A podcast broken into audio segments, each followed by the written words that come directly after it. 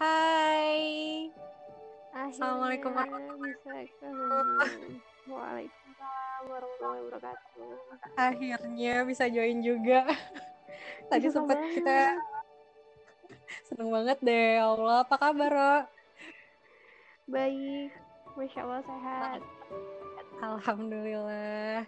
Uh, Oke, okay, halo guys, kembali lagi di uh, segmen kali ini Share Share with Dea dan kali ini aku sempat approach uh, temen aku yang kece-nya nggak ketulungan, namanya Roro Widya.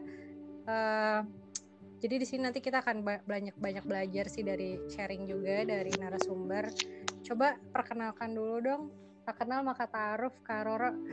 Perkenalan singkatnya. Oke, okay. perkenalkan namaku Roro Widya. Saya mahasiswi akuntansi Universitas Erlangga, Surabaya. Alright, lagi aktif apa nih Kak Roro sekarang?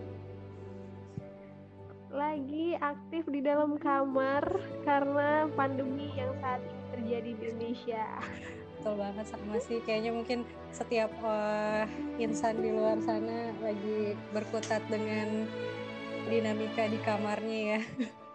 Karena sulit juga kita mau iya, beraktivitas emang lebih baik di rumah.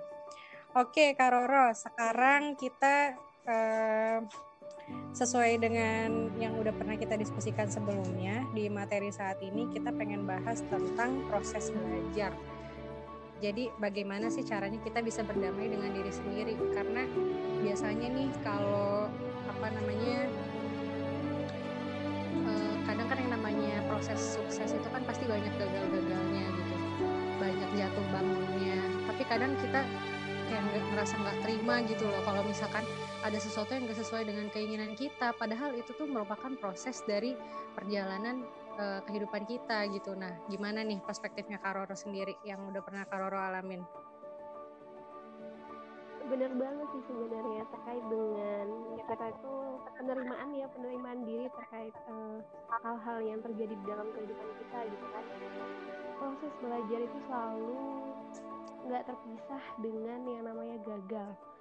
Gagal gagal gagal dan terus saja gagal. Tapi uh, suatu saat nanti yakinlah bahwa proses gagal itu membawa kamu mem, uh, membawa kamu ke arah yang lebih baik gitu uh, misalnya nih kemarin uh, saya sempat cerita uh, saya itu mahasiswi UNER tapi saya nggak pernah cinta gitu sama sama UNER sama sama universitas saya saya gagal ditolak salah satu universitas yang menurut saya bagus sampai tiga kali dan ternyata ya ya Unera adalah jalan saya gitu. Hmm. Uh, next next. Terus uh, apa yang Karoro lakukan ter- sampai Karoro bisa survive gitu dalam keadaan ini? Yang pertama adalah yang Roro pahami ya, yang Roro pahami selama kurang lebih uh, sekarang kan mau lulus mau selesai empat tahun di Universitas Erlangga. Pertama ya ternyata ada hal yang dipatahkan dari uh, kemampuan setiap orang bahwasanya kita itu selalu bertabrakan sama uh, kehendak dari Tuhan gitu kan kehendak dari uh, sang pencipta gitu nah kalau di sini Roro dulu orangnya adalah orang-orang yang ya realistis aja nggak usah mikir yang gimana gimana ya. Kalau misalnya kamu mampu ya silakan gitu. Yang kalau misalnya kamu mampu ya sangat mungkin kamu buat masuk gitu. Kalau nggak pernah percaya bahwasanya doa itu uh, jadi sesuatu yang membawa Roro sampai dengan titik ini gitu. Hmm. waktu itu Roro nggak kayak gitu nggak mikir kayak gitu. Hmm. nah uh, kemarin uh, ketika disadari prosesnya oh iya ternyata mama orang tua Roro waktu itu nggak nggak izinin mau mau gimana pun kamu daftar di luar Jawa Timur ya kamu nggak akan keterima gitu. Cuman ya Roro bandel nggak pernah percaya sama apa yang diomongin sama orang tua gitu. Ya karena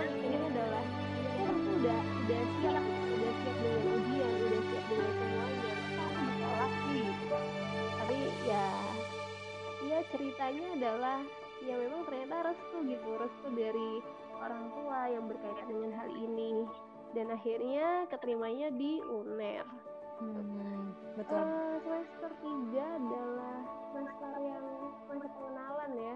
Sampai dengan semester tiga mau do mau pulang aja aku nggak mau kuliah bilang gitu sama mama.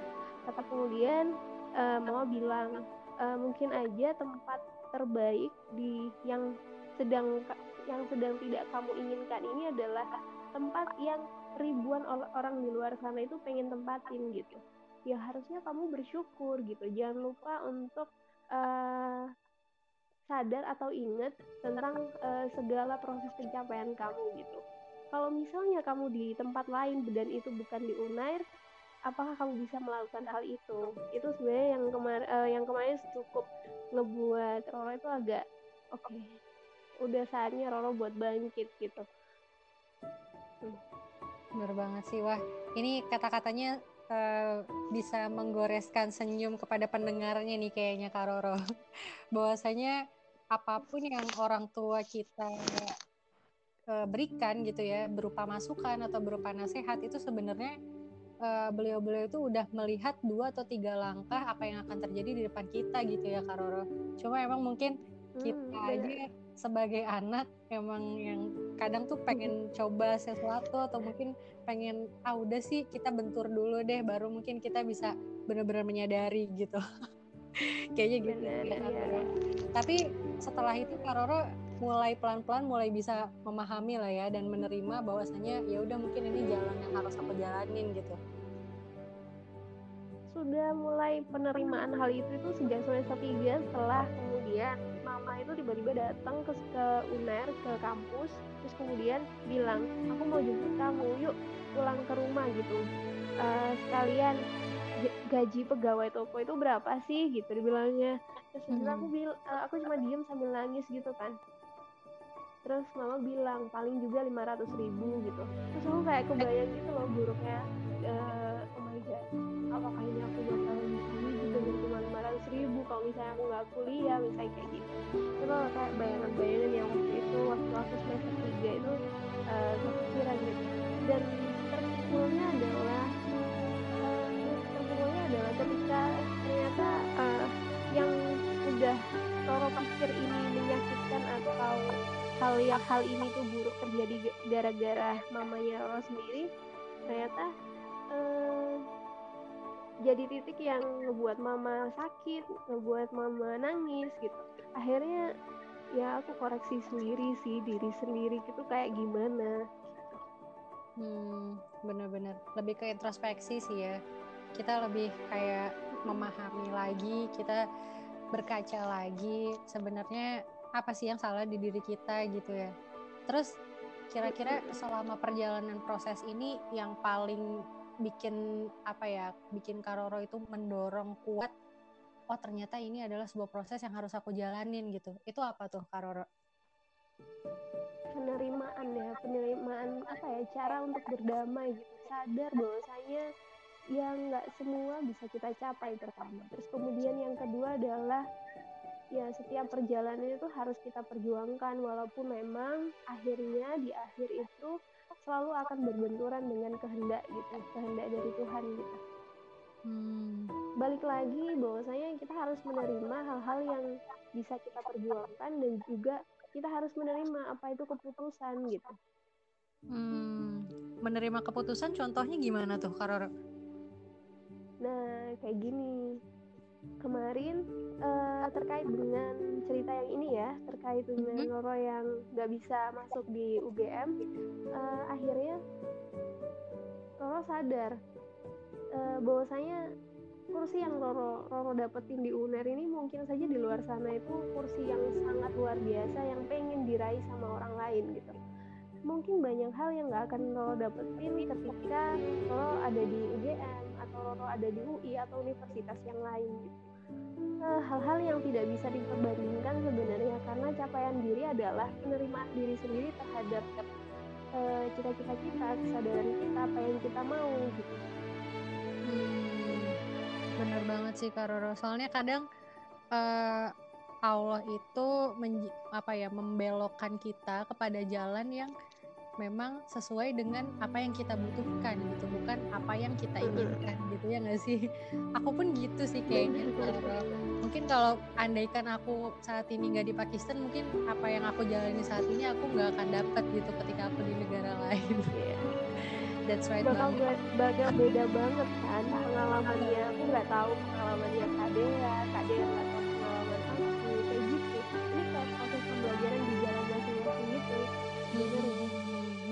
sih Kak Roro. Dan ini kayak apa ya mungkin dari dari tahap ini tahap proses ini ini adalah apa step number one gitu kali ya Kak Roro. Jadi mulai dari realize mulai dari kita sadar kita bisa bangkit lagi dari introspeksi bisa menerima apa yang udah kita jalani saat ini. Mungkin itu bisa membantu kita untuk berjalan ke step selanjutnya gitu ya Kak Roro halo halo bener banget Oh iya. Terus kira-kira ya, ada pesan ya. gak nih dari Karoro buat teman-teman nih kira-kira gimana sih dari teman-teman yang di luar sana biar apa ya bisa bisa apa ya accept their self gitu untuk menikmati uh, kegiatan atau apa yang mereka jalani saat ini yang sebetulnya nih nggak sesuai dengan apa yang mereka mau gitu atau nggak sesuai dengan apa yang mereka inginkan gimana nih Karoro? Okay kita pahami dulu bahwasanya proses penerimaan itu selalu tidak uh, selalu berkaitan dengan waktu yang lama. Nggak semuanya itu gampang untuk dilakuin. Ya proses patah hati, proses kemudian menjadi bukan siapa-siapa, menjadi orang yang nggak punya arah, menjadi orang yang tidak punya tujuan, itu maklum banget. Itu sangat wajar untuk dialami uh, oleh orang-orang yang uh, cita-citanya itu nggak tercapai atau keinginannya itu nggak tercapai. Sangat wajar. Uh, itulah kenapa kemudian Roro nggak pernah menjudgment orang atau menjudge orang terkait dengan uh, misalnya apa hati kemudian cerita sedihnya kemudian uh, cerita menyerah seperti itu setiap orang itu bakal menyadari bahwa uh, kapan dan waktu yang tepat kapan dan gimana dan bagaimana waktu yang tepat untuk bisa jadi seseorang yang bangkit dan baik uh, dan lebih baik. Itu proses penerimaan. Dan selama proses penerimaan kita juga harus sadar bahwasanya kita uh, mungkin saja bisa mengalihkan kepada hal-hal yang positif. Tidak hanya pada oh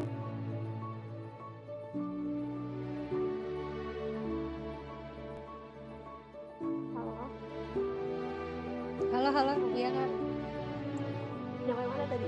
Lanjut. Ya, kita harus bisa accept itu menerima itu. Nah yang orang ya kalau misalnya patah hati jangan sampai misalnya uh, melakukan sesuatu yang negatif atau merugikan diri kita gitu Misalnya, kemarin hmm. ketika hal-hal yang semacam ini terjadi ke Roro, apakah Roro kemudian menyerah, diam saja di rumah, atau kemudian di kampus, uh, apa namanya, tidak melakukan apa pun? Ya mungkin sangat sangat wajar. Akan tetapi yang Roro lakukan adalah karena Roro tidak menyukai kampusnya, Roro berusaha untuk keluar dari area kampus. Gimana caranya? Oh ya, ikut prestasi, ikut lomba, ikut event keluar, keluar, keluar gitu. Itu adalah salah satu alasan atau motivasi untuk melarikan diri versi Roro. Oh ya, uh, ya aku harus keluar, aku nggak mau jauh, eh, nggak mau lama-lama di dalam kampus. Itu salah satu motivasi ya sebenarnya gimana kita mengarahkan diri kita itu ke arah yang lebih baik atau lebih positif dari adanya kepatah hatian kita gitu. Betul. Wah, bener banget nih Kak Roro. Oke, listen ya the broken hearters di luar sana. eh broken hearters ya. ya pokoknya jadi uh, sebisa mungkin kita yang bisa apa ya bisa manage lah ya Bener. apa pun yang bikin kita bangga nah mungkin teman-teman bakal penasaran nih apa aja sih uh, apa ya bentuk pelarian diri dari Karoro yang memotivasi versi Karoro dan apa tips and triknya itu mungkin kita bisa bahas di segmen selanjutnya. Oke okay, jadi stay tune jangan ke mana-mana tetap sama uh, aku dan Karoro sampai jumpa di segmen selanjutnya. Bye. Terima kasih banyak Karoro